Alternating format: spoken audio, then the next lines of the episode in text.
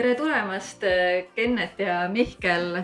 meil on siin täna sellised noored poisid külas äh, veebist ja kohe hakkame lähemalt ka rääkima, et millega siis meil tegu.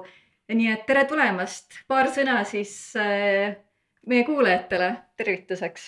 tere, tere, ma olen Kennet, ma siis, ma olen veebi tegevjuht, õpilasfirma Veeb, loodetavasti varsti OÜ või aktsiaselts, võib-olla isegi international midagi, aga jah ma olen tegevjuht ja see on Mihkel.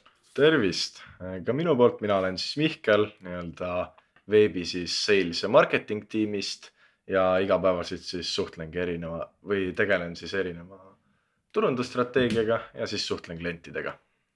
Eh, poisid, teie alustasite siis õpilasfirmast. tahate rääkida lähemalt äh, meie nii-öelda mitte nii nooremale generatsioonile, kuidas siis õpilasfirmadega täna saab alustada kuidas äh, üldse see mõte tekib, kas see tuleb kooli suunitlusel või kuidas idee alguse sai? No kuidas see mõte tekib, ma arvan, see tekib kõigil erinevalt. üheteistkümnes on uurimistöö, mille sa pead tegema ja paljudes koolides on see, sa saad selle uurimistöö siis õpilasfirmana teha ja sa saad sellest selle hinde kätte.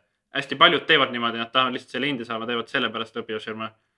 osad teevad äh, siis äh, lihtsalt sellepärast neile meeldib see, nad on pühendunud sellesse, pühendunud sellesse, ütleme majandusteemasse või äriteemasse ja nad teevad sellepärast. me, me tegime sellepärast, et me olime rohkem huvitunud äh, ärist, aga noh, me saime ka selle uurimistöö hinda, nii et me saime nii-öelda kaks lindu ühe kiviga mm. -hmm. ma korra küsin siia enda puutuusimu pärast, et äh, kas see, mm, kuidas on üles seatud teil koolis, kas teil peab olema ka käive?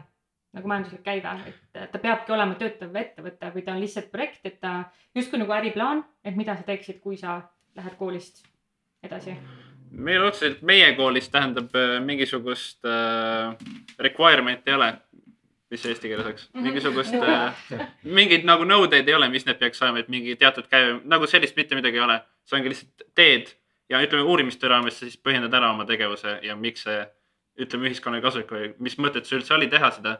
ja jah, niikaua kuni sellel on mingi mõte taga, see uurimistöö saab läbi ja niikaua kuni sa oled ise rahul, see on nagu kõige tähtsam kas siis regasite kohe veebi äh, ka kuhugi registrisse?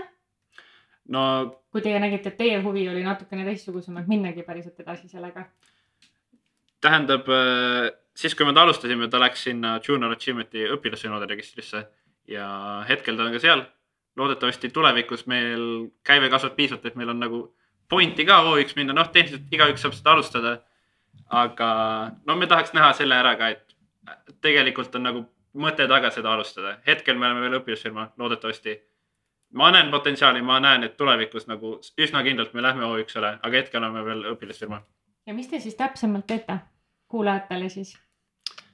et äh, me siis pakume sellist äh, nii-öelda custom siis äh, selliseid veebilehekülgi, samamoodi ka brändingut ja teeme ka kõike sellist muud veebileheküljega seoses, et pakume nii-öelda haldusteenuseid ja kindlasti pakume ka siis veebileheküljele selliste visuaalsete lahenduste loomist, et kui vaja, haarame kasvõi drooni kätte, et teostame ka kliendile pildid sinna. kuidas teil see meeskonna kokkupanek siis moodustus, kui lihtne oli leida siis eh, neid inimesi, kellega te tunnete, et eh, jah, et temaga oleks äge eh, teha seda koostööd, kuidas see mõte hakkas teil arenema? no see on hea küsimus, mul on tegelikult päris pikk vastus. kümnendas, kui me alustasime, siis ma võtsin nagu enda lennust siis äh, paralleelklassist ühe sõbra ja oma klassi vennad, meid oli mina pluss neli inimest veel, ehk siis me olime viiekesi ja me ainult programmeerisime. mina tegelesin müügiga peamiselt ja programmeerisin ja siis teised ainult programmeerisid. aga nüüd äh, selle aasta alguses, siis kaks tuhat kakskümmend kolm sügisel ma võtsin ka Mihkli ja paar sõpra veel juurde, kes aitaksid müüa. et meil oleks ka müügiinimesi, kes rohkem tegelevad selle müümise poolega, mitte et meil ei oleks ainult programmeerimistiim, sellepärast programmeerida on kerge, aga kui noh, sul pole kellelegi projekti teha, siis see on natuke noh, käed on tühjad, käed on tühjad. kas äh, ma küsin kohe siia, ma haarasin sellest kohe kinni, et kui te, te pakute ka brändindusteenust, et nagu oma kodeerimise juurde, siis kui palju te saate ka siis nagu võib-olla see on Mihkel sulle rohkem küsimus, kui palju sa oma kliendiga äh, samastud või milline on see klient, mida sina hakkad pitch ima?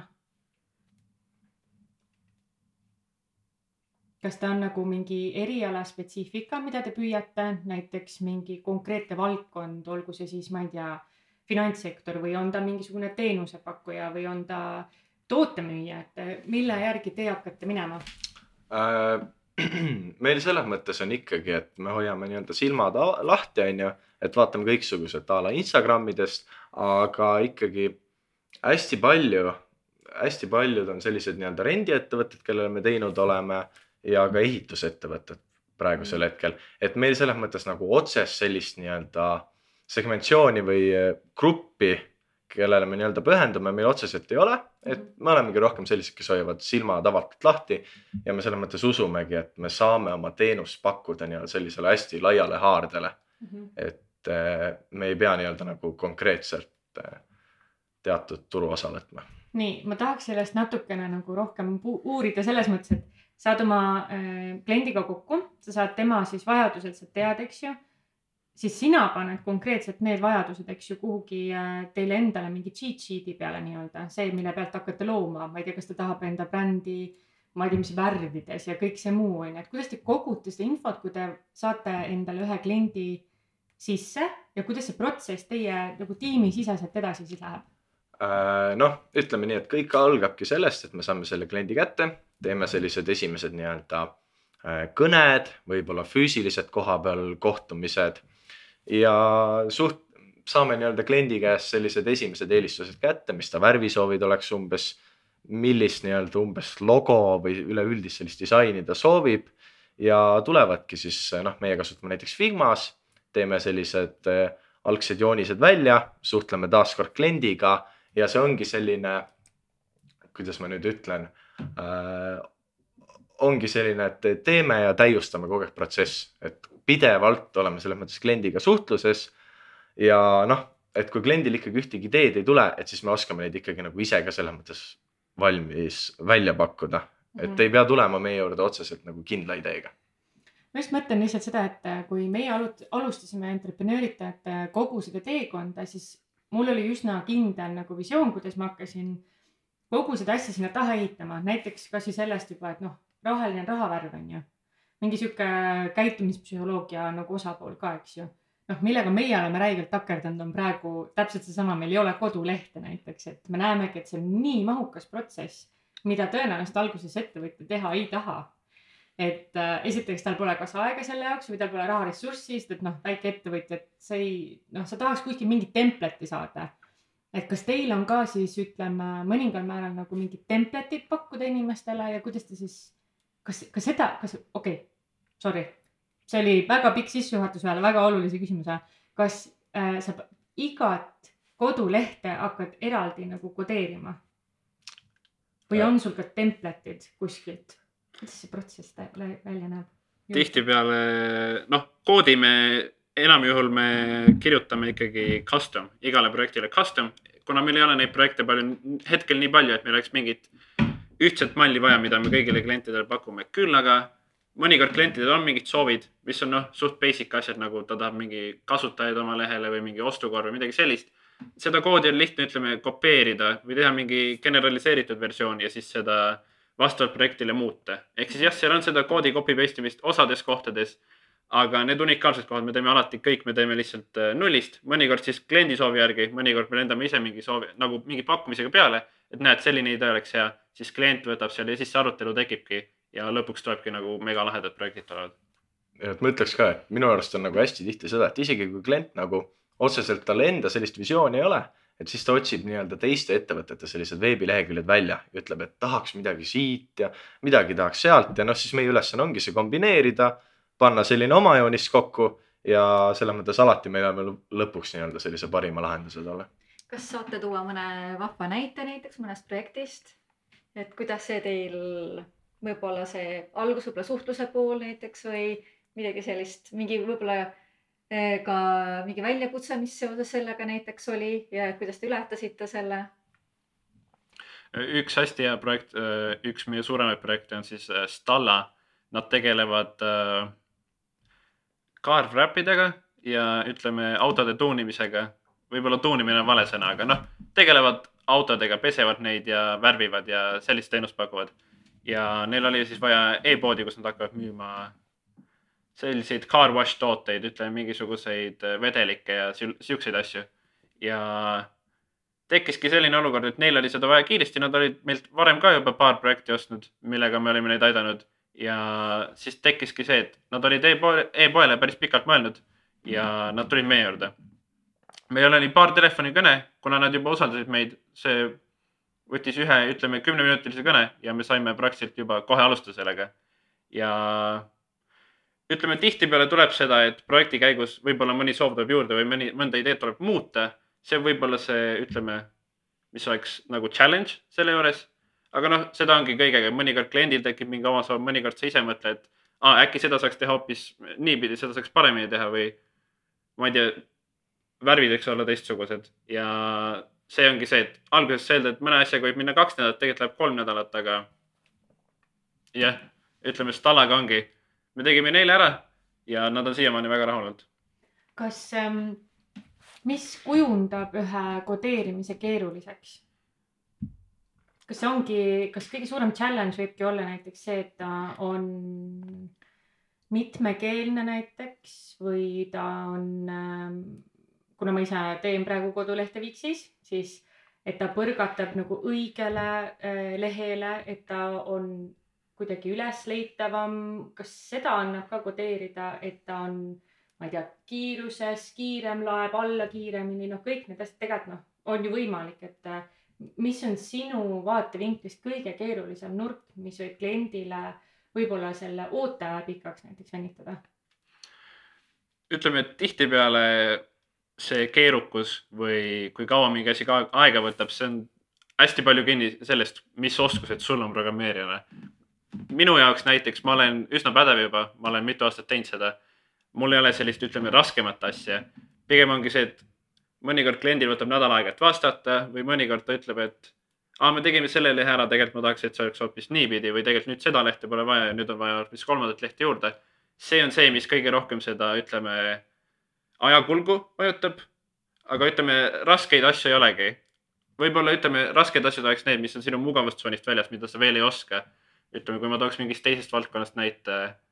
noh, kui väikelennuki piloot peaks lendama järsku suure lennukiga, see oleks tema mugavustsoonist väljas, eks ole, ta ei ole seda enne teinud.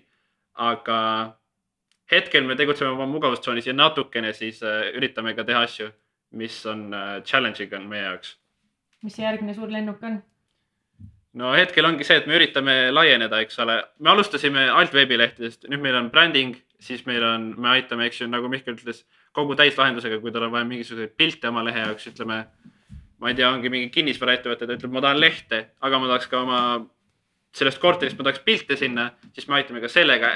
hetkel ongi siis järgmiseks nii-öelda prioriteediks lihtsalt laiendada neid tegevusvaldkondasi ja neid teenuseid, mida me pakume mul on eh, küsimus seoses ka klientidega, et kuidas te leiate endale kliente või kas, kui palju te näete, et juba levib hea sõna, mis on võib-olla olnud teie mingid strateegiad? Äh, ma ütleks, et selline strateegiast, et võib-olla see, et me proovime nagu korraga võtta sellise nagu ühe, ühe turuosa ja siis keskenduda neile, et noh, hetkel meil ongi ehitusettevõtted, me näeme, et ehitusettevõtetega läheb hästi, paljudel ehitusettevõtjatel on siis nii-öelda nagu vaja seda kodulehekülge. ja noh, teine asi ongi see, et me hoiame lihtsalt täielikult nagu silmad lahti ja üritame iga võimalus, kus me näeme, et meil on võimalus kaasa lüüa, üritame kirja teele panna ja siis oma nii-öelda teenust siis pakkuda mul on, mul tuli praegu meelde üks lause, mis Timo Porvar ütles, kuna ta ju tegeleb ka selle turunduslaboriga ja ta noh, ka samamoodi pakub lahendusi igasuguseid. tema ütles äh, kunagi väga hea lause, et ma siinkohal võib-olla rõhutaks ka ne- nendele, kes kuulavad ja on mõelnud, et ah, ma teen Instagramis igal pool mujal need asjad ära, see võib töötada. aga mulle hullult meeldis see lause, mis ta ütles, et äh, koduleht on kakskümmend neli seitse müüa. kas teil on omal ka koduleht, mis kakskümmend neli seitse teid müüb? Ja me ja web.fly.tv hetkel me otsime oma domeeni, web.ee on kahjuks võetud, aga me leiame mingi, mingi parema domeeni siis äh, loodetavasti lähitulevikus, aga jah, meil on koduleht olemas. ja ma ütleks, meie lehel on nagu hästi huvitav see, et meil on selline leht on endal ka pidevalt arenev. pidevalt muudame disaine, tekitame sinna uusi selliseid sektoreid juurde, uusi alapeatükke, alles hiljuti. noh, varasemalt oli meie leht siis ainult inglise keeles, nüüd panime ka eestikeelse versiooni juurde. ja me proovime ikkagi, kuidas me ütleme, et proovime enda firmat eh, siis ikkagi peegeldada sellel veebileheküljel. Mihkel, sulle üks küsimus. konkreetselt võib-olla sinu kapsaaeda. kas oled mõelnud ka pitch ida ennast äh, mingisugusele influencer'ile? näiteks noh, hea näide viimase äh, ütleme, näiteks meie saate kõige kuulatum saade on Rahakoti saade. Ja tema ju lihtsalt tegi oma Wordpressis neid asju aastaid, eks ju, ja talle tuli kiri, kuule, teeme sulle uue. sa ei pea midagi selle eest maksma ja kas olete mõelnud ka mingit sellist suunda võtta? Äh, pakkuda ise esimesena nii-öelda tasuta? jaa, meil on see idee on täiesti nii-öelda läbi käinud ja me oleme ka tegelikult ühendust võtnud osade selliste influencer itega. aga seal pigem ikkagi ongi see teema, et valdavalt nad saavad nii-öelda oma selliste WordPress või selliste lihtsamate lehtedega hakkama. aga jah, et selles mõttes endiselt otsime neid. Mihkel, kas me räägime sellest teisest ideest ka või? palun mäletad või? me mõtlesime vahepeal pool naljaga, et võiks mingi poliitikutele ka teha, praegu on hästi aktiivne, siis mõtlesime, teeme kõigile poliitikutele tasuta, aga see oli siuke pool naljaga, see ei ole täiesti, see on noh, toores idee. Mhm. aga noh, miks mitte tasuta leht, siis äkki saab mingi oma promo ka seal teha. ma tean, et äh, ma küsisin üks päev just äh, oma follow itelt, follow itelt, et äh, keda nad nagu jälgivad kõige rohkem ja Taavi Rõivas pidi olema üks selline, keda inimesed va väga vaatavad no vot, teeme ära. jah, ma ise olen vaadanud, keda mulle meeldib väga jälgida, on Peeter Koppel. et Peeter Koppel paneb pidevalt selliseid tweet'e ja noh, just nii-öelda majandusest, aga üleüldiselt ka nii-öelda ühiskonnast ja vot Peeter Koppel on ka läbi käinud, et mõte, et talle võiks täitsa oma lehe teha. kas äh, tema oleks nii-öelda suur lennuk ka sinu jaoks siis kodeerimise mõttes, siis seal peab väga sihuke, kuidas ma ütlen. võib-olla mingisuguseid raame hoidma, millest võib-olla välja minna ei saa. eh, mul ei usu? hetkel ütleme kodeerimise koha pealt, ütleme veebi, veebi, veebivaldkonnas siukseid. ma oskan, ütleme üheksakümmend protsenti asjadest. Kogu tiim oskab nagu suurem osa asjadest. võib-olla oleks äppide tegemine, aga noh, ma arvan, poliitik oma äppi ei vaja või ü- üldjuhul keegi influencer oma äppi ei vaja. kuigi ma praegu mõtlen, ma ei tea, kas te Ants Rootsist teate? ta ju tegi vahepeal mingisugust äppi endal, mis oli ilgelt äh, kallis ja siis ta lõpuks lõpetas selle ikkagi ära, sest et äpi tootjad olid. see, see on kallis ja see on pikk protsess. räägi mulle sellest lähemalt. sina kui kodeerija, ütleme, et sa saaksid oma näiteks veebilehe äpiga ühildada, kas, kas ja mis sinna taha nagu läheb kõik?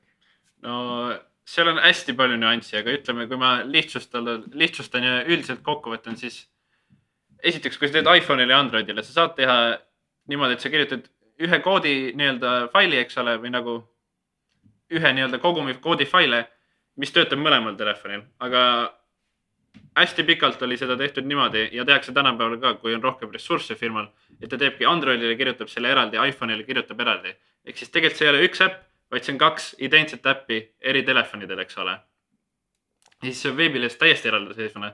ehk siis, kui sa tahad veebilehte ja äppi mõlemale telefonile, siis sul ongi vaja see kolm korda lihtsalt nagu identsena teha. jah, seal on võimalusi teha seda ka kõike nagu ühe koodi alusel, aga noh, see ei ole otseselt optimeeritud ja see, see on ainult mõistlik siis, kui sul on vähe ressursse ja sul on vaja see kiiresti valmis teha. mul tekkis sellest üle äppide, tekkis mul sihuke küsimus, et äh, ma tean näiteks mul endal on äh, ka blogi, mis on Wixis ja seal on eraldi äh, mobiilivaate võimalus. nüüd, kui sina kodeerid kellelegi enda kodulehte, kas sa vastutad, vastutad ja kui keeruline on vastutada mobiilivaate eest, sest ütleme, üheksakümmend protsenti inimesi tegelikult vaatavad kodulehti täna ju mobiilivaatest. ja see on väga suur, minu teada see oli seitsekümmend protsenti, aga igatahes see on enamus inimestest vaatavad telefonist ja see on tähtis osa. Õnneks veebis see on lihtne, see on lihtsalt äh, tegemise vaev, sa pead ütleme. et üks, ütleme lihtne leht teha ümber või võtaks võib-olla tund aega ja siis sa võid noh, iPadile ka eraldi teha, kui sa tahad ja erinevatele seadmetele, aga ütleme, see on ainult tegemise vahe, see ei ole midagi, see ei ole raketiteadus. mind nii huvitab, mis sul peas toimub, sina kui kodeerija, sest ma ei ole mitte kunagi tutvunud inimesega, kes on kodeerija, kui keeruline või kui matemaatiline või, või noh, kas see ongi see, et sul jooksebki ainult äh, üks suur-suur rida mingisuguseid numbreid ja tähekombinatsioone alt mingisuguseid igasuguseid hüüumärke ja küsimärke või? no see on nagu Hollywood, Hollywoodis näidatakse, et rohelised numbrid jooksevad mustal lausa. see enam niitriks käib. jah, jah, et kogu, kogu aeg on niimoodi, eks ole, aga ei. no loomulikult oleneb projektist, eks ole, aga ku, kuidas seda öelda? kui sa, kui sa tegeled sellega iga päev, see ei ole nii raske, ütleme. Kui ma saaks mingi hea näite tuua, noh, meie jaoks ongi lennuki lendamine võib tunduda väga raske, jälle ma toon lennukiga näite. aga see piloot, kes teeb seda pidevalt, ta on lihtsalt, ta vaatab loogiliselt, vaatab, seal on tuhat nuppu, ta on, näed, see teeb seda, see teeb seda, eks ole, ta saab kohe aru, ta lihtsalt tuleb, ta, ta ei pea isegi mõtlema selle, see on nagu jalgrattasõit tema jaoks. ja see on paljuski samamoodi programmeerimisega. kui sa teed seda kogu aeg, sa lihtsalt, sa isegi ei mõtle selle, see tuleb sulle automaatselt, see on nagu muscle memory peaaegu. Kus sul see idee või kus see impulss sul tuli, et üldse kodeerima hakata, kas sa oled olnud mingitesse, ma ei tea, reaalainetes näiteks tugevam või on see kuidagi näiteks mäng, mängudega seotud? ma ütleks, et noh, väiksena ma arvan, mina nagu paljud noh, teismelised ja nooremad, eks ju, poisid mängivad, eks ju, videomänge. väiksema mängisin palju, enam mul pole aega, eks ole, kuna ma tegelen kõige muuga. aga ütleme, võib-olla see tehnika või algselt võis kuskilt sealt tulla ja lihtsalt oligi soov võib-olla nagu oma ideid siis äh, tehagi reaalsete toodetena või lehtedena, eks ole kui vana sa olid, kui see hakkas sind huvitama ja see on nagu üks pool selle küsimusele, teisele, et eh, hakkate edasi natukene minema. et eh, mõni näiteks, kui me võtame ühe noore, kes õpib praegu koolis, et võib-olla ta on, ma ei tea no,, kaheksandik, üheksandik, äkki juba gümnaasiumisse läinud ja teda ka huvitab IT-maailm. Kuidas eh, hakata võib-olla, sest tegelikult IT-maailm on ka väga lai, üks asi on siis see eh, programmeerimine, eks ole, aga seal on ka neid nii palju erinevaid neid osi et kuidas üldse aru saada, et mis sind täpselt võib huvitada näiteks ka, et kust sina alustasid ja mida sa soovitaksid ka siis teistele võib-olla? no kus mul see algne huvi siis konkreetselt tuli, oli see, et olid osad videomängud, ma mõtlesin, sinna võiks, noh, ma võiks häkkida, see oleks hästi lahe, eks ole. ehk siis ma mõtlesin selle peale. Aga no ise, kui vana ma olin, äkki seitsmendas, kaheksandas klassis, mis see on, kaksteist, kolmteist või? kuskil seal vanuses äkki. ma üritasin, aga seda oli suht raske, ütleme minu vanusele õppida. aga siis meil oli see, et ma läksin gümnaasiumisse ja seal meil pakuti valikainet kusjuures mul vedas Tehnikagümnaasiumis, et vali-, tähendab, pakutakse seda. mul on arusaam, et suurem osa gümnaasiumis ei pakuta, Mihkel, teil ei ole, eks ju? meil näiteks jah, ei ole kolmekümne teises. jah, oligi, meile pakuti sellist äh, programmeerimisvalik, valikainet, kuhu meie klassist läks vist äh, neli inimest ja seal ma sain selle põhja alla ja siis mul oli, ütleme edasi juba palju lihtsam ja siis, et vastata sellele, kui keegi tahab ise alustada, ütleme ka on noor ja mõtleb, et võiks sellega alustada, siis äh, näiteks kasvõi, kuidas sa seda keelt valid, tänapäeval on nii palju erinevaid keeli eh, programmeerimises, et eh, kuidas üldse nagu kuidagi hakata aru saama või tajuma seda maailma? no ma ütleks, et äh, kõigepealt mõtle, mis sa teha tahad, kui sa tahad mingi veebilehti hakata tegema, siis ütleme alguseks oleks hea lihtsalt HTML, CSS, JavaScript ära õppida. sellega sa saad, ütleme päris palju juba, ütleme äh, lehti teha, mis katavad su äh,, katavad su vajadused, eks ole. kui sa tahad lihtsalt äppe teha, siis äh, Androidi jaoks äh, Java või siis äh, iPhone'i jaoks Swift oli minu teada see keel. ehk siis äh, ühe nendest keeltest olenevalt, mida sa teha tahad ja kuidas siis konkreetselt läheneda sellele õppimisele. osad loevad raamatuid, ma ei tea, see pole mulle kuidagi istunud. Kuidas sina oled siis õppinud, mis oli, on sinu meelest sinu jaoks olnud selline kõige mõnusam viis õppida ja, ja areneda üldse? mul ongi näiteks kõige parem, ütleme viis ongi see, et sa võtad mingi, püstitad mingi eesmärgi, ma tahaks teha siukse, ütleme lehe. ja siis sa hakkadki, ütleme ühe, ühe sammu kaupa minema, üks samm teise, teise ette ja vaatadki, okei okay,, kuidas ma selle probleemi lahendan, kuidas ma selle. siis on sada väikest sammu, sul on lõpuks leht valmis, sa oled nagu, vau, ma õppisin nii palju, nüüd ma saan järgmise teha, järgmise, siis see hakkab juba iseenesest tulema. ja seal ei olegi konkreetselt nagu, et õpi nii või õpi naa, kõigil on oma teekond ja see ongi lihtsalt samm-samm haaval kas sul on mingi keel, mida sa ise veel õppida tahaksid? ma olen äh, lähedalt olnud ühe tuttavaga mm, rääkinud Pythonist, ma ei tea, väidetavalt see on ka päris värske keel, eks ju. ja kas sul endal on mingisugused, mingid äh, siuksed märk või noh, need punktid, mida sa tahaks seal kätte saada? Äh, keelte koha pealt, noh, neid keeli on sadu, mida võiks õppida ja neid arvatavasti jääbki tulema ja neid on nii palju, et of course kõiki ei ole mõtet ära õppida, aga ütleme, kui sa tahad, ma ei tea, tõelist karjääri teha või tõesti oskaja olla, ma ei tea, ütleme küm-, kümne ringis oleks täitsa optimaalne. see võtaks kindlasti aastaid, et neid kõiki heal tasemel osata, aga ongi, alustad ühest, siis sa vaatad, võib-olla sul vahepeal eesmärgid muutuvad. näiteks kui sa tahad arvutiprogramme teha, siis on hästi tähtis C või C või C Sharp. Need on kõik, ütleme, madalama taseme programmeerimis, programmeerimiskeeled, millega saab siis äh, lihtsalt tavalisi arvutiprogramme teha nagu Windowsi, ütleme, kui sa võtad Spotify lahti arvutist näiteks, ma usun, et selle jaoks on näiteks C-d kasutatud. või ütleme, neid näiteid on lõputult, lihtsalt ükskõik mis, mis programmid, eks ole. ja minu jaoks olekski siis kas C või siis äh, Androidi või siis äh, iPhone'i jaoks Swift või Java. Mhm. loodetavasti kõiki, aga ühe, ühe ma pean kõigepealt valima ja siis teised selle nii peale, peale lihtne on ühelt äh, teisele üle hüpata. ühelt keelelt teisele, näiteks, et õppisid näiteks Java ära ja siis tahad midagi järgmist õppida, et kui sarnased nad on sinu jaoks näiteks, kas sa juba näed mingeid seoseid nende vahel? seal, mis hakkab juhtuma, on see, et äh, seal on see loogika on hästi suures osas sama paljudel nendel. aga see keel ise on lihtsalt erinev, ütleme need äh, tähed või sõnade kombinatsioonid, mida sa kasutad. sõnad on võib-olla vale öelda, aga süntaks on selle nimi, eks ole. aga noh, kõige parem näide on päriselus keeled. sa õpid eesti keelt või soome keelt või saksa keelt või ükskõik mis keelt. Need on erinevad, aga sa vaatad, okei okay,, igas keeles on näiteks käänded noh, soome ja eesti keel on hästi sarnaselt, kõlavad sarnaselt ja lõpus, kui sa oled need ära õppinud, sul ei ole väga raske, ma võin praegu inglise keele peale üle minna või saksa keele peale. no saksat ma nii hästi ei oska, nii hästi ei oska, aga noh, kindlasti paljud kuulajad, et teiega oskate mitut keelt, see ei ole raske, ütleme, vahetada lihtsalt käigu pealt. ja vaata seal lõpuks on mingisugused tuletussõnad. Näiteks, kasvõi inglise keeles on palju sarnaseid tuletussõnu, mis tekivad nagu ütleme, ma ei tea, norra keeles näiteks või saksa keeles, eks ju, et noh, sul on mingid asjad, mille pealt sa juba hakkad minema, et päris nullist ei, ei lähe võib-olla. mul on, tekkis nagu vahepeal sihuke küsimus, et äh, te mainisite ise oma kodulehel, et te olete üle saja tuhande koodirea, kas sa siis füüsilist kokku lugenud?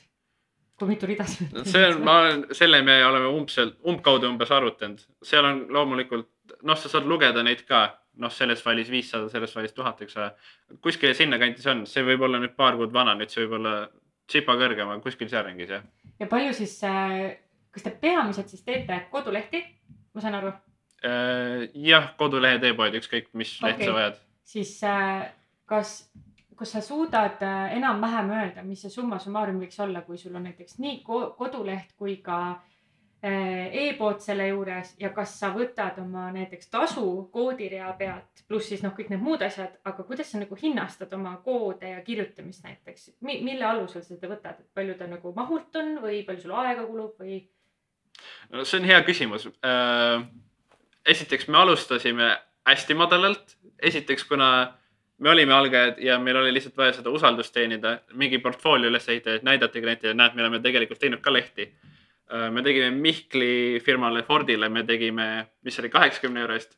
jah, väga-väga selles mõttes vinge lehe, et siis kui mina teises koolis õpilasfirmat tegin, et äh, siis tegid meile väga korraliku e-poe. tegime kaheksakümne euro eest neile, see oli üks meie esimesi projekte. tehniliselt meil oli üks projekt veel, mille me tegime ühele teisele õpilasfirmale, aga me saime neilt ainult ettemaksu mingi kümme eurot ja siis nad tühistasid ära. ehk ühesõnaga hästi väiksed summad. Aga nüüd on juba ütleme neljakohalised summad ja hakkavad lõpuks loodetavasti ka kümnekohalist olema. see on hetkel sihuke keskmine.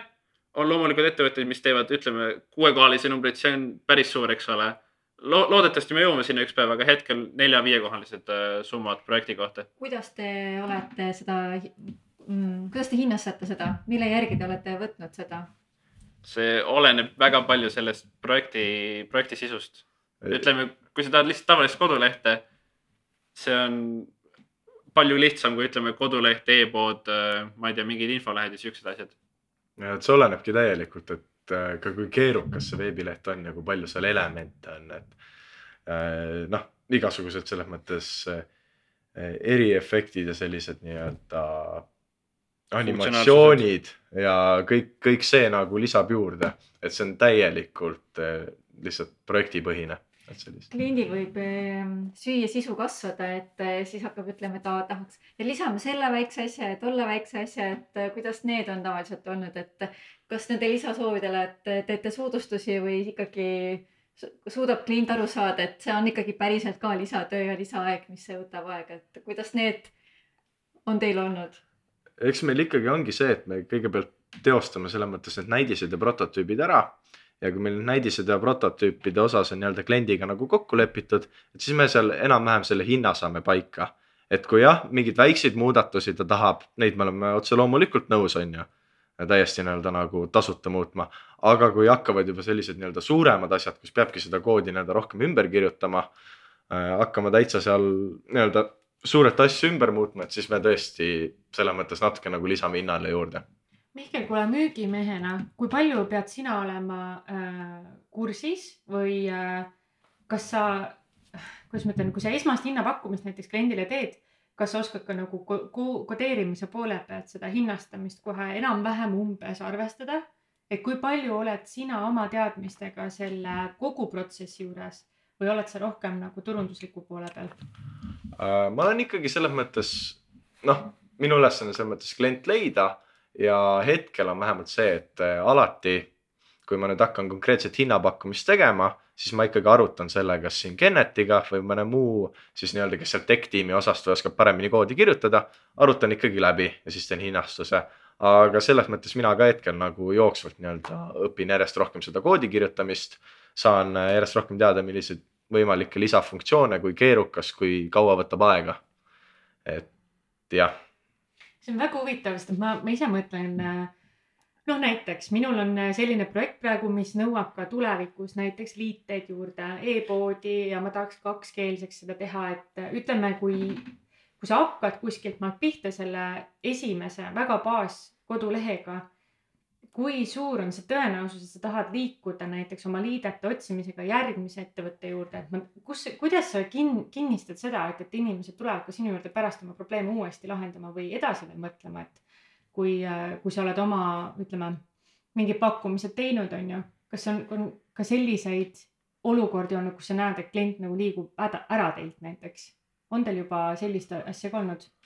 Äh, sellist asja meil otse, otseselt ei ole, me proovime ikkagi Äh, hoida ennast võimalikult selliste usaldusväärsete ja pikaajaliste partneritele, et kui ka kliendil on hiljem mingi haldusküsimusi või tahab mingi lisasi, et siis selles mõttes meie oleme veebiga nagu alati olemas. et me proovimegi igale kliendile, ütleme nii, et rohkem nagu personaalselt läheneda. et siin hästi palju on levinud selline teema, et lehekülg tehakse valmis, klient unustatud. aga meie just proovimegi olla selline pikaajaline koostööpartner, kes siis vajadusel saab ka lehte nii-öelda arendada veel edasi. mis on tänapäeva trendid, mida inimesed äh, küsivad? ma tean, et noh, okei okay,, ütleme täiesti stampleht on see, kus sa saad info kätte, kus sa saad, ma ei tea, mingit graafikutest tunniplaanideni kuni mis iganes, ma ei tea, toodeteni, et see ei pea otseselt e-pood olema, aga ta võib ka ju tootekirjeldus olla või protsessi kirjeldus on nüüd väga sihuke stamp, aga on, kas on näiteks teil mingeid siukseid projekte olnud, kus keegi tahab mingit äh, no mitte, et jälle uuesti sellest rahakotist palju rääkida, aga tal oli näiteks programmeeritud mäng. et inimene, kes läheb sinna kodulehele, saab proovida mingit mängu mängida, väga sihuke lihtne värk on ju, aga samas jälle noh, kas on mingid sellised trendid, mida inimesed nüüd täna oma kodulehele lisavad näiteks? olete märganud midagi või? otseselt äh, trende ei ole, tihtipeale on see, kui me teeme mingisugusele ettevõttele, ütleme mingi ehitusettevõte, mingi äh, riieteettevõte, kes müüvad rõivaid näiteks. Nad tahavad tihtipeale hästi tavalist, on üks, kellega me räägime, nad tahavad sellist äh,, kuidas öelda. kui sa läheksid, äh, ütleme, mees läheb endale ülikonda valima. Nad tahavad näiteks sellist süsteemi, kus see, sa saad customize ida nagu iga selle, iga aspekti sellest ülikonnast, ütleme värvi, kanga, milline see pintsak oleks, milline see vest oleks, milline see triiksärk seal all oleks, püksid, kõik selline ja see on üks hästi keerukas süsteem, mida nad tahavad ja ütleme, see otseselt trend ei ole. ja otseselt ma ei ütlekski, et on mingisuguseid trende, mida meilt kogu aeg küsitakse. pigem ongi see, et kas tahetakse midagi tavalist või siis tahaks, tahetakse midagi, mis on hästi-hästi originaalne, hästi unikaalne idee.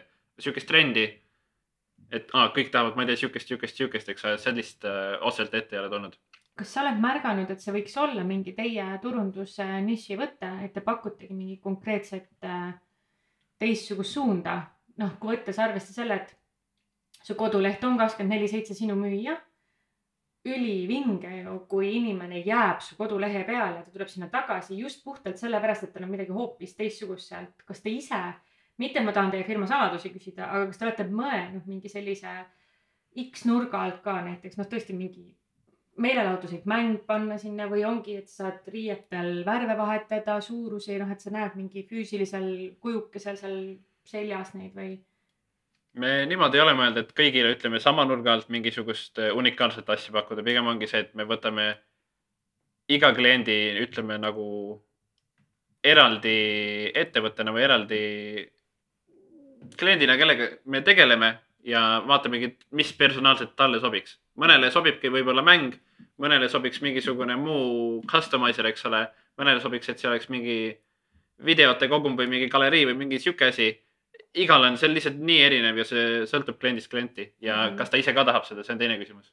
aga mul äh, puhtalt äh, tehnilisem küsimus, et äh, kui ma tahangi tulla, ütleme oma mingisuguste erinevate lahendustega, millega ma pean arvestama, et näiteks ähm, kasutajapoolne ehk siis see front-end, eks ju, kui ta on nagu valmis saadud, et näiteks äh, see ei oleks aeglane, et noh, kui inimene sõltumata sellest, mis internetikiirus tal on näiteks, et, et mida saan mina omalt poolt teile öelda või teilt paluda, et te teeksite minu kodulehel, et see front-end'is jääks võimalikult sujuv.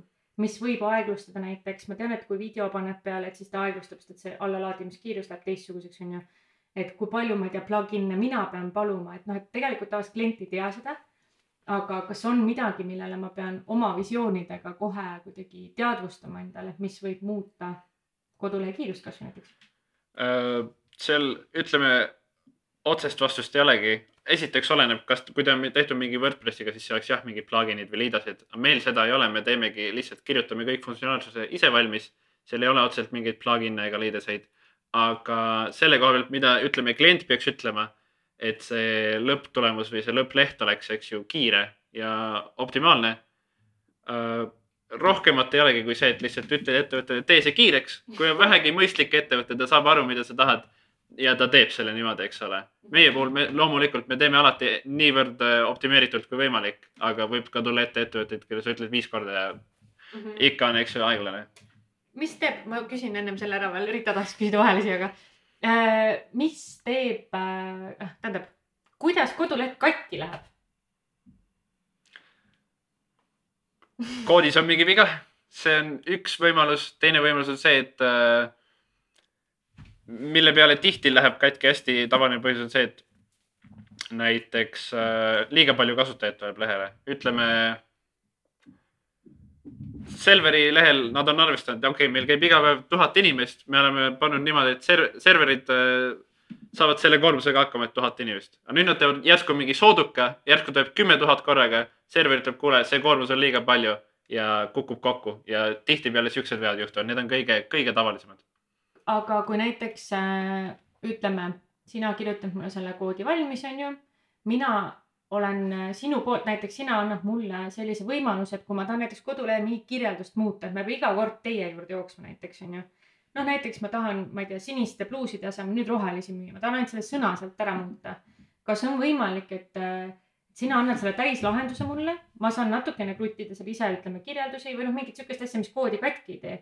aga kas kas see võib tekitada olukorra, kus klient ise võib näiteks midagi täiesti tuksi keerata?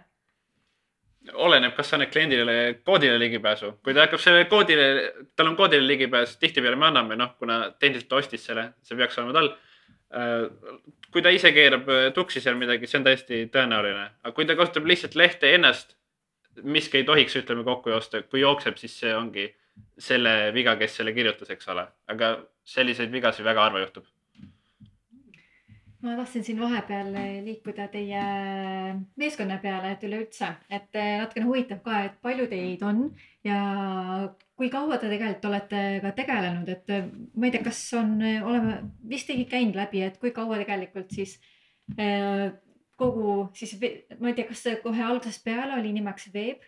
Jah, teie firmal, et siiamaani on ta niimoodi tugevalt olnud, et kui palju inimesi alguses, kui palju on praegu, kas teil on kuidagi, kõigil on eh, eri näiteks eh, suund? Jah, et tegelikult praegu on meil kokku siis kaheksa inimest. et meil on siis nii-öelda põhimõtteliselt inimesed jagatud niimoodi ära, et meil on neli inimest tech tiimis. ja meil on siis kolm inimest nii-öelda sales and marketing ning lisaks siis on meil Kennet nii-öelda tegevjuht ma tegelen absoluutselt kõigega. jah, et selles mõttes tema, tema aitab meid nagu kõiges, on ju. kus on tulega vaja kustutada, seal ma olen noh, kakskümmend neli seitse. äh, jah, et täpselt, aga ütleme nii, et äh, algselt ikkagi siis äh, Veeb alustas viie inimesega ja nüüd siis sellel aastal äh, liitus siis põhimõtteliselt terve sales and marketing nii-öelda tiimi osa et nad just tahtsidki nii-öelda veel nagu võimendada oma seda müüki ja nagu ka Kennet enne mainis, et sul ei ole võimalik või noh, see nõuab väga palju ajalist ressurssi samal ajal kliente leida ja, ja samal ajal tegeleda siis nii-öelda käimasolevate projektidega ja koodi kirjutada. see aasta siis, eks ole, tuli see sales marketing juurde, jah, täpselt yeah. nii. et siis see oli see aasta, kus nägid, et äh, nii-öelda see läheb juba kõik nii suureks ja nii ägedaks, et on vaja juba seda lisajõudu. Aga siis tagasi korraks tulla jah, et see küsimus, et äh, kui kaua te olete toimetanud juba? me, idee iseenesest tuli kümnenda poole peal, aga ära registreerisime siis õpilasfirma üheteistkümnenda alguses.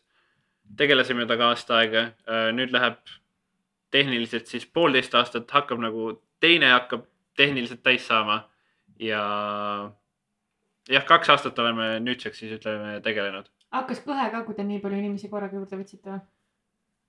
Või kas teil on projektipõhine või te teete nagu igakuiselt või kuidas te toimetate? me, nii kuidas sisse tuleb, me jaotame vastavalt, kes, kui palju on panustas mingisse projekti, ütleme. kui üks läheks näiteks reisile, siis noh, mõista on, et ta saab väiksema selle, väiksema koguse tulust, kuna ta on panustanud vähem. võib-olla on keegi, kes noh, ta on kärinud kogu projekti, ta on lihtsalt äh, kõike ise teinud seal, siis loomulikult tema saab selle vastavalt sellele, kui palju tööd ta on teinud. ja kõige alguses, kui asi läks käima, et kas, kas ähm, junior, junior achievement'ist, eks ole, siis oli sellega koostöö ka, kas või kooli poolt, kas oli ähm, mentoreid sest noh, ettevõtte püstipanek üsna selline suur samm ja läbi mõelda kõik need osad isegi see rahast rääkides, kellele, kui palju näiteks, kuidas oleks aus ja nii edasi. kas oli abi selle poole pealt? ma võin öelda, minu koolist ei olnud, kuna meil just hästi halb juhus juhtus, et kümnenda lõpus äh, meil oli majandusõpetaja, otsustas lahkuda meie koolist. me leidsime siis äh, minu klassivenna vanast koolist juhendaja. nüüd me leidsime, Mihkel leidis enda, kes eelmine aasta aitas tema õpilasfirmat ühendada, leidis enda koolist. jah, et ma ütleks ka, et äh, vähemalt meie koolist oli selles mõttes nagu väga toetav ja abivalmis. et ma siin kohe kiidaksin oma majandusõpetajat Tiina Saart, kes on meil ka nii-öelda selles mõttes praegu mentor ja juhendaja. et äh, selles mõttes abistab meid alati nõu ja jõuga ja on kogu aeg kättesaadav. et see on nagu väga tore. tegelikult on hästi äh, võimas, et noored võtavad ise sellist initsiatiivi, olles ise huvitunud sellest. Kui palju teil endal on olnud ähm, väljaspool kooli, väljaspool oma ettevõtet inimesi, kellega te arutate või kellega te arutate ja kui palju näiteks? emad, isad, õed-vennad, kas keegi on aidanud teid oma ettevõtlusteekonnal, et kuulge, poisid, nüüd on hea koht, kus näiteks kaasata rohkem raha, kaasata, ma ei tea, mis iganes mingisuguseid turundusnippe või trikke, et äh, kui palju te arutate oma plaane? No mul isiklikult, ma arvan, Mihkel on kindlasti oma inimesed, mul on näiteks, ma suhtlen tihtipeale isaga, kui on mingi autosõit, tal on endal, tegeleb ka ettevõtlusega. temaga on hea ideid põrgatada, küsida võib-olla mingisugust, noh, konsulteerida, mis oleks hea siin olukorras, mis oleks hea selles olukorras, siis ta aitab oma kogemusega. ja üldiselt lihtsalt äh, tuttavad, kes vähegi huvitatud on, alati ma noh, suhtlen nendega ka ma ütleks samamoodi, et äh, üks roll on tõesti vanematel, noh, mul isa oli samamoodi tegeles väikeettevõtlusega. et äh, aitab ka alati nõuga, kui mul mingi küsimus tekib, et kasvõi nii-öelda siis sellistel nii-öelda bürokraatlikutel küsimustel, et seal on ta väga tugev. ja kindlasti ka hindab selliseid, noh, kui ma küsin talt, et kas mingi mõte on hea, siis ta oskab sellele alati nagu vastata. ja selles mõttes kuulab ära, aga, aga mul on selles mõttes samamoodi nii-öelda sugulased kellega ma tegelikult olen oma ideid jaganud ja kes on osanud ka alati sellist head nõu anda või siis, või siis hoopis kriitikat, mis, mis on ka kindlasti hea. ja kuidas te ise mõtlete, tänapäeval see noh, IT-maailm on ju nii järsult muutuv, näiteks see chat GTP ja kõik need ai-d asjad, eks ju, et äh, aina rohkem on ju automatiseeritud, et äh, kas, kas teie tulevikusuunad, mida te arutate näiteks oma ettevõtte sees, siis kuhu need liikumas näiteks on? hetkel ongi lihtsalt, kuna me nägime selle potentsiaali juba enne ära, nüüd võtsime müügitiimi Äh, seadsime eesmärgi teatud summa teenida, millega oleks mõistlik, ütleme, võib-olla mingi kontor osta, võib-olla noh, mitte osta, aga mingisugune paik rentida, kus me saaks seda reaalselt, saakski minna sinna, olla seal kogu aeg ja siis äh, päris firmana loodetavasti tulevikus e-, edasi tegutseda. kuna me oleme kaheksakesi ja seitse meist käivad koolis, siis hetkel meil on, ongi pigem see, et me räägime online. me saame küll kokku ka, kuna me oleme kahes koolis, ehk siis ei ole mingi seitsmes erikoolis, vaid me ikkagi näeme üksteist äh, päevast päeva. aga meil ei ole sellist üht, ühist kohta, kuhu me saaks minna ja lihtsalt ollagi produktiivsed, ma ei tea, kaheksa tundi päevas ja iga päev. ongi pigem see, et igaüks vaatab omal vaba hetke ja me suhtlemegi online'is. kas sa arvad, mis see võib äh, ka komistuskivi olla lõpuks ettevõtte edasiarenemisel? et kui te ei saa kokku, mis sa arvad, kas inimlik aspekt äh, ühel ettevõttel peab olema üsna tugev? Või teile töötab niimoodi, et te saate kõik äh, online'is tehtud? selles mõttes noh, me hoiame ikkagi tiimivaimu, et meil tegelikult tiimivaim on väga tugev, et noh, a la kasvõi nii-öelda siis nii-öelda tööväliselt käime, me näiteks bowlingut oleme mängimas käinud ja me ikkagi pöörame sellele ka ikkagi päris palju rõhku. et äh, mina isiklikult arvan, et kindlasti nii-öelda tulevikus see nagu takistuseks ei saa. ja just eriti siis, et kui nüüd ühel hetkel gümnaasiumid saavad läbi, selline suurem õpikoormus tuleb maha et siis on võib-olla isegi rohkem võimalik nii-öelda pühenduda sellele ettevõttele. väga hea, et sa ise liikusid sinna, kui nüüd gümnaasium läbi saab, siis kuhu te oma suuna või ninad-otsad äh, panete siis äh, liikuma? kas on juba mingisugune eeldus või mingi kondikava ka juba välja mõeldud? Äh, noh, minul isiklikult on see, et mul on nii-öelda, kuidas ma nüüd ütlen, et plaanid on veel üpriski lahtised. et vaatan nii välismaa ülikoole, vaatan Eesti ülikoole ja sellist nii-öelda otsest nagu, otsest kindlat eriala, mida ma nüüd õppima tahaks minna, veel välja kujunenud ei ole. aga noh, ma loodangi selle selles mõttes lähima aasta jooksul leida. Mul oleks pigem see, et noh, mul on ka üpriski avatud need võimalused, ma ei ütle praegu, et ma lähen teen seda ja nii on, kindlasti mul on ideed olemas, noh, kui saaks ülikooli kuskile heasse, ma võtaks võib-olla midagi inseneeria suunas või IT suunas mingi hetk võiks teha ajateenistus meil mõlemal ära, eks ole. tahad, tahad või ei taha. või siis, äh, kui läheb veebikasti, mis on ka potentsiaal on olemas ja see on reaalselt väärt meie aega, siis on üks võimalus ka sellega, eks ju, jätkata pikas tulevikus mm. -hmm. kas ta võib ka nii automatiseeritud teil ühel hetkel olla, on, et äh, oledki välismaal õpingutel, aga sa saad ikkagi pitch ida inimesi online, online kõnedes või rääkisite ka, et võib-olla teha ka siis näiteks inglisekeelseid äh, nagu kliente värvata, on ju. et kui isegi need, et kas veebi tulevik teie jaoks, teie konkreetse ettevõtte tulevik on nagu sellise sihiga, kõrgele ja kaugele või pigem jätate praegu nii nagu on? selles mõttes kindlasti kõrgele ja kaugele, et me ikkagi anname endast parima ja hetkel ongi see, mida me loodame teha, on see, et me ehitame omale sellise korraliku kliendibaasi valmis meil on usaldusväärsed partnerid olemas ja noh, siis ühel hetkel hakkab nii-öelda ettevõte juba iseennast nii-öelda reklaamima, on ju, et eh, nii-öelda jutt siis liigub suust suhu, aga kindlasti vähemalt mina usun, et ei tule see takistuseks, eh, kui me ka elame maailma eri otsas. et sellist, sellises valdkonnas tööd saab ka väga hästi teha kuskilt eh, Ameerikast või Lõuna-Ameerikast mm. -hmm. et ta ei nõua nagu otsest kontakti ei, ei nõua ja sa võid olla kuskil Hawaii rannal oma läpakaga ja sealt teha. ütleme müügiolukorras oleks hea, kui on mingi suurem projekt, mulle meeldib füüsiliselt minna, kliendiga kokku saada, see, tekitab seda usaldust ja seal on see inimfaktor ka. aga see ei ole tingimata vajalik. Ja see oleneb kliendi soovidest ka, mõned ei tahagi, mõned tahavad lihtsalt teeme kiire kõne või saadame kiire sõnumi. Ja asi on nagu korras. Mul tekkis siin veel küsimus, et Greta ka mainis siin chat-GPT-d, et mõned on maininud, et aa, et tänapäeval äh, ja või ka noh, lähitulevikus on juba näha ka seda trendi, et äh, see chat GPT ise kirjutab selle koodi valmis näiteks ja nii edasi. et äh, kuidas te näete seda nii-öelda lähedalt vaadates, et kui reaalne see on, et näiteks ma ei tea, IT-mehi ei ole tulevikus nii palju vaja, sest chat-GPT muudkui are- areneb näiteks?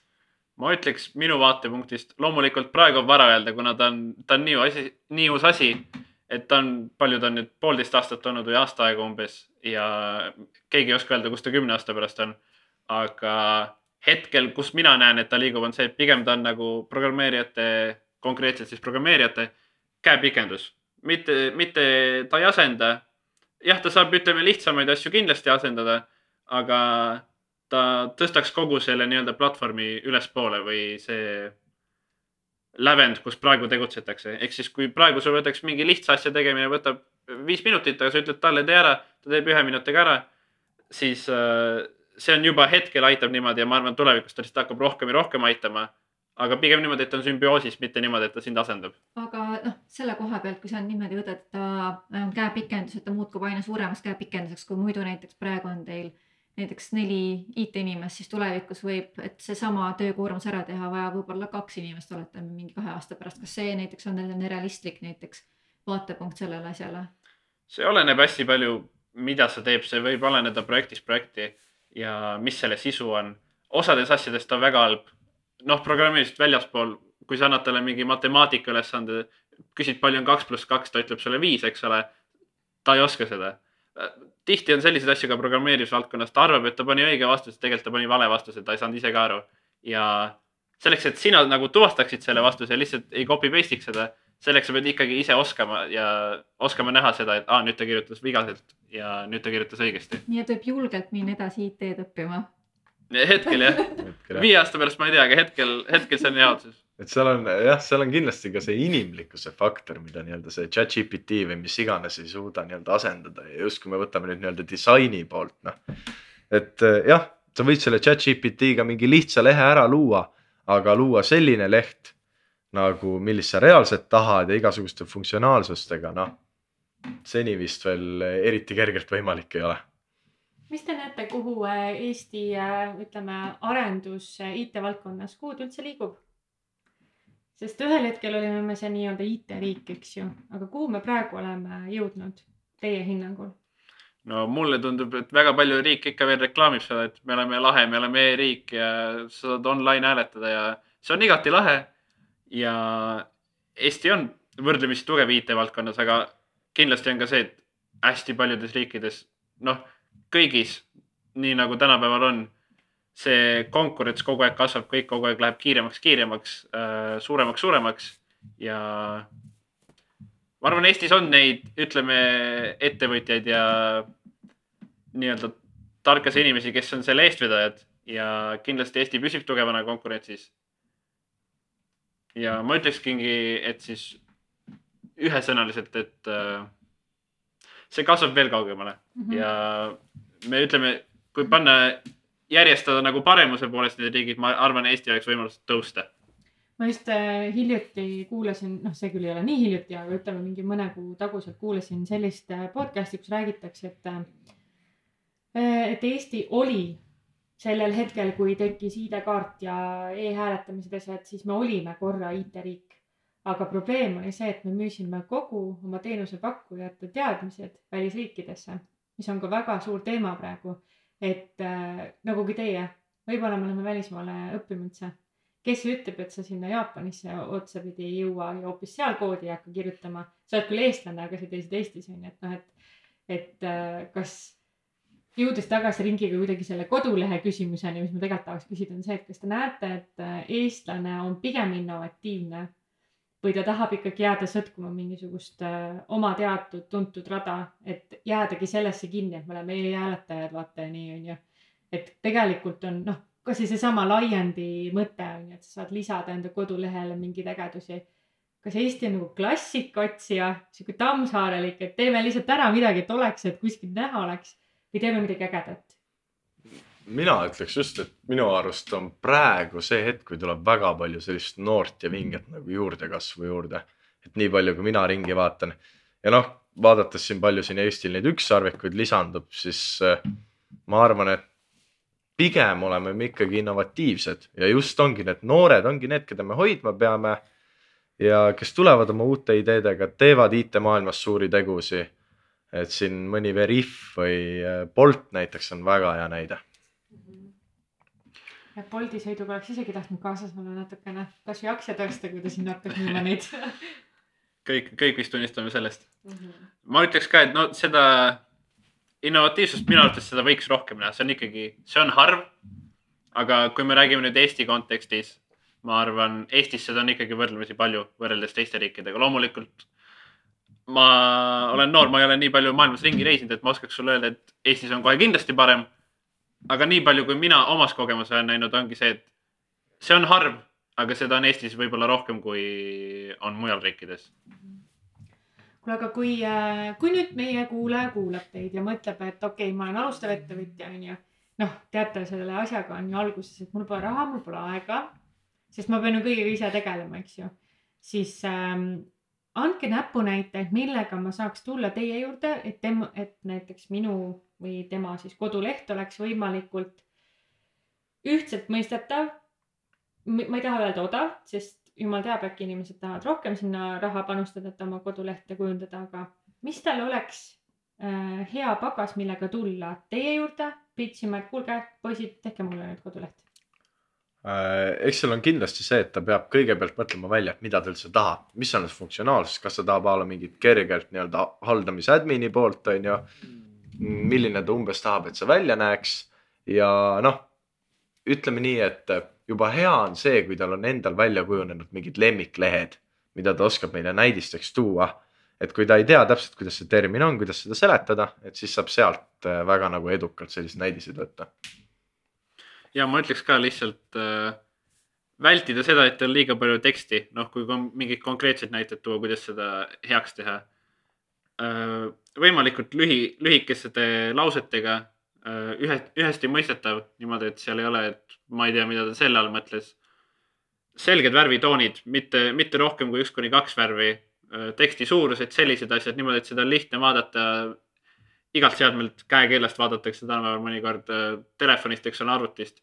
lihtsalt võimalikult lihtne, et see annab äh, sinu sõnumi võimalikult kergelt üle, niimoodi, et inimene, kui ta tuleb, ta on nagu, see on täiesti iseenesestmõistetav, mitte niimoodi, et ta tuleb su lehele, nüüd ta hakkaks nagu, ma ei tea, jaapani keelt lugema, piltlikult. okei okay,, me saime selle minupoolse visuaali, aga kas on midagi, mida peab ka klient arvestama näiteks, mis on mingid teatud nõuded, näiteks cookie'd on ju, privaatsussätted. kuidas neid, kas mina pean muretsema selle pärast või kodeerija muretseb või kes see muretseb nende pärast? Äh, selles mõttes me alati konsulteerime enne kliendiga, et me proovimegi olla selline õpetav osapool, ei ole ühtegi lolli küsimust, mis käib nii-öelda sellise veebiarenduse kohta. et äh, kui klient nagu otseselt ei tea seda, peaasi, et ta lihtsalt pöörduks meie poole, küsiks, et me vastame alati nendele küsimustele ja tutvustame siis ka kindlasti nii-öelda selliseid kindlaid asju, mis seal peavad või ei tohiks olla just, ja siis see tehniline pool olekski, et kui seal on mingeid cookies vaja, meie teeme selle tehnilise poole, aga lõppude lõpuks klient on see, kes vastutab, klient on see, kelle, kes omab seda toodet kui lehte. ehk siis tema vastutab, me teeme selle tehniliselt küll ära, aga lõppude lõpuks jah, tema, see on tema toode. kas sa tahaksid paari sõnaga lahti öelda neile, kes nagu üldse ja neid on hästi palju, kes üldse ei tea, mis asi on küpsis või cookie inglise keeles? küpsis on, no kui sa lähed üks lehele, vajutad accept, see praktiliselt, mida sa ütled sellega on see, et sa ütled lehe, lehe omanikule, et jah, sa võid minu kohta andmeid koguda, see on prak-, praktiliselt kõik üldistatult öeldes, loomulikult seal on nüansse, aga üldpildist ongi. Mõnikord on, ütleme veebilehe omanikel, nad tahavad võib-olla mingit infot su kohta. kui sa loed Eestist, näiteks ta tahab teada, et aa, see on Eesti lugeja, see luges Inglismaalt, hiljem ta tahab teha statistikat Äh, ja kui sa ütled, et accept cookies, siis sellega sa ütledki jah, ma luban sul seda minu äh, infot analüüsida hiljem. ja kuhu see klient äh, võiks koguda näiteks neid? ütleme, kas selle kohta jääb ju digitaalne print ju jääb tegelikult maha, onju. Et näiteks sina ju back-end'is, sina, kes sa kode- kodeerid seda, siis tegelikult sinul on võimalus näha neid, nende IP aadressid ja kõike seda, et kas see tähendab ka seda või näiteks ainult telefoninumbrit ja emaili. täpsusta palun. et vaata see, kui see cookie peale või noh, selle accept'i peale, et sa nõustud kõigega, siis tegelikult tähendab see seda, et, et see info, kaasa arvatud see, kustkohast ta seda nõustus va- vajutab, eks ju, siis see on ka see and-, andmete kogum, mis tegelikult, kas ta jääb kuhugi ringlema selle äh, veebilehega seonduvalt seal on äh, hästi täpsed, ütleme, regulatsioonid on juures. tehniliselt jah, ma võin võtta su IP aadressi, kogu su info ja panna selle andme, enda andmebaasi ja selle seal hoida ilma sult luba küsimata. aga milleks see üle tõlgendub, on see, et üks hetk, kui sa oled seda piisavalt suurel skaalal teinud, Euroopa tuleb, koputab sulle uksele, ütleb, et kuule, see ei ole okei okay,, palun lõpeta või muidu tulevad tagajärjed. ehk siis seal ongi lihtsalt see, et sa kui sa accept'id selle ja sa usud, et see on nagu usaldusväärne leht, kus sa oled, nad austavad sinu, ütleme, privaatsust ja on ka lehti, mis seda lihtsalt ei austa ja mõnikord jäävad vahele, mõnikord ei jää. ma lihtsalt, see on minu jaoks nii põnev teema, kuna ma ise just praegu üritan oma teise projektiga äh, veebilehte teha. Ja ma just hiljuti vaatasin, noh, see küll ei ole otseselt seal teie ettevõttega seoses, aga just see, et äh, kui suured äh, ettevõtted, Facebookid, noh, Meta, eks ju.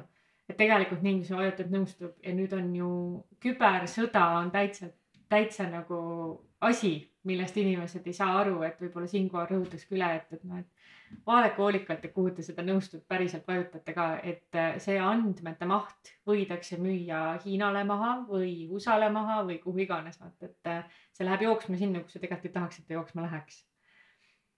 ma ei tea, kas ma rääkisin õiget juttu, aga ja ongi, ongi, et lõppude lõpuks, külasta lehti, mida sa usaldad, sellepärast lõppude lõpuks isegi kui sa lähed ebaturvalisele lehele, sa ütled, ma ei aktsepteeri seda, nad võivad selle ikka võtta lõppude lõpuks. siis see ongi noh, seaduse no mitte täitmine, eks ju, aga kuidas sinul on, kui sa kodeerid, kas äh,, kuidas sa tagad oma turvalist, turvalisust nagu kliendi poolele niimoodi, et, et noh, et see klient oleks ka tu, nagu tunneks enda veebilehte kasutades, et ma tean, et kõik on seal nagu nii, nagu peaks olema seaduste järgselt. ma teen seaduste järgselt, selles mõttes seal täpsemat või paremat vastust ei olegi anda, et mm Mhm. -hmm. ei olegi mõtet teha midagi, mis on selgelt keelatud mm, Mhm. -hmm. ongi lihtsalt äh, kuidas nõuded on, kuidas regulatsioonid on, vastavalt nendele tulebki teha ja nii teemegi. see oli lihtsalt minu puht uudishimu, sorry, ma ei tahtnud üldse mingi nurka suruda sellega, aga lihtsalt ma nagu, et kui sa juba kodeerid, et kui palju lasub siis tegelikult ka vastutus selle kliendi andmetele nagu see, kelle ke,, noh, kes seda kodeerib, on ju. noh, ma ei tea, see oli lihtsalt mingi mõttelõng. soovitaksite inimesele, kes sooviks äh, IT-sse näiteks äh, sisse minna, kust, et alguses loomulikult, et ha- hakata vaikselt uurima, aga mis on see võib-olla esmane hea kokkupuude, et kellega võib-olla suhelda isegi sel teemal või mis võiks olla see esimene pidepunkt täpsemalt? Äh, kõige, kõige parem on lihtsalt netist otsida, kas mingi Youtube tutorial või midagi sellist. kui sul on võimalus ja sa, oleneb loomulikult inimesest, aga mõni näeb, et tal oleks ikkagi vaja mingi mentori või mingi juhendaja abi. on siuksed häkatonid või bootcamp'id või noh, koolides on tihtipeale pakutakse neid õppeid või siis sa võid maksta kellelegi ja tema juhendab sind ja siis olenevalt sellest, kas sa oled ise õppija, saad juba edasi ise õppida või siis sul ongi kogu aeg vaja mingit juhendajat loomulikult see võib valdkonnast valdkonda ka muutuda, on kergem, raskem valdkond, aga noh, minu jaoks oligi see, ma õppisin lihtsalt, suurem osa ma olen õppinud äh, netist äh, otsides seda infot. jah, me oleme koolis mingi baasi alla saanud, aga ütleme üheksakümmend protsenti, mida ma tean, ma olen ise selle õppinud ja mitte raamatutest, vaid äh, noh, ma ütleksingi internet, Youtube, sellised kohad. peamiselt nagu õpi ja pane kohe praktikasse. just, just, just hästi palju seda, et sa pead ise ikkagi kirjutama seda, üks on see, mõni loeb teooriat, ta loeb terve viiesaja lehelise raamatu läbi, aga ta ei kirjutanud mitte ühtegi rida koodi. Lõppude lõpuks, kui kasulik see oli, see on kaheldav, küsitletav. ja mida sa võib-olla koodina kirjutaksid kõigepealt? alustada lihtsamatest projektidest, mis sind, mis sind huvitab, ongi kas siis äpid, lehed, lihtsad programmid, ütleme, kui sa tahad lehtedest alustada, mingi lihtne koduleht, ma ei tea, iseenda kohta, ma ei tea, tere, ma olen Kennet, siin on minu pilt ja paar lauset veel, hästi lihtne sihuke esimene projekt ja siis sealt hakatagi samm-samm, samm-samm haaval edasi minema. Ma tahan lihtsalt siinkohal ka öelda seda, et äh, ülivinge, et äh, kuidas äh, noored inimesed äh, tunnevad IT-st äh, huvi juba sellises noores vanuses. äge, et see on ka kooli juba jõudnud ning äh, vaadake, kus te juba tegelikult olete sellises vanuses nii vinge, et äh, siit aina tõesti kõrgemale ja kaugemale. jah, selles mõttes meie vanurid äh, siin, kui meie lõpetasime gümnaasiumit, siis alles hakkas tekkima see trend, vaata, et oh, minge IT-d õppima, aga praegu on ikkagi seda võimalust, noh, see on, see on nii palju avardunud ja, ja selles mõttes on nagu hästi au, nagu auväärne või austusväärne vaadata, et noortel on tulnud, noh, vanasti öeldi, et ära mängi liiga palju seal arvutis. täna võib-olla see on juba vastupidine, et väga paljud äh, vanemad kasvatavad oma lapsi just selles võtmes, et proovi, katseta, toimeta seal sees, sest siis sa saad paremini aru, kuhu me liigume. Ja noh, nagu öeldakse ka, et ega me sealt tagasi enam ei liigu sealt IT-maailmast, eks ju. arvatavasti. mitte. mm. -hmm. et ta ikkagi lihtsustab meie elu. kuulge, aga poisid, kuhu siis äh, järgmisel suvel teid saab vaatama tulla või milliseid kodulehti või mis näiteks järgmise suve plaanid on? ma arvan, et äh, selleks, et meie suveplaanidega nii-öelda ennast kursis hoida, kindlasti tasub meil Instagrami ja ka samamoodi meie veebilehte, lehekülge jälgida. Aga ütleme nii, et meil on siin käimas hetkel mitmed põnevad sellised nii-öelda koostööprojektid, millega kindlasti saategi ühel hetkel tutvuda.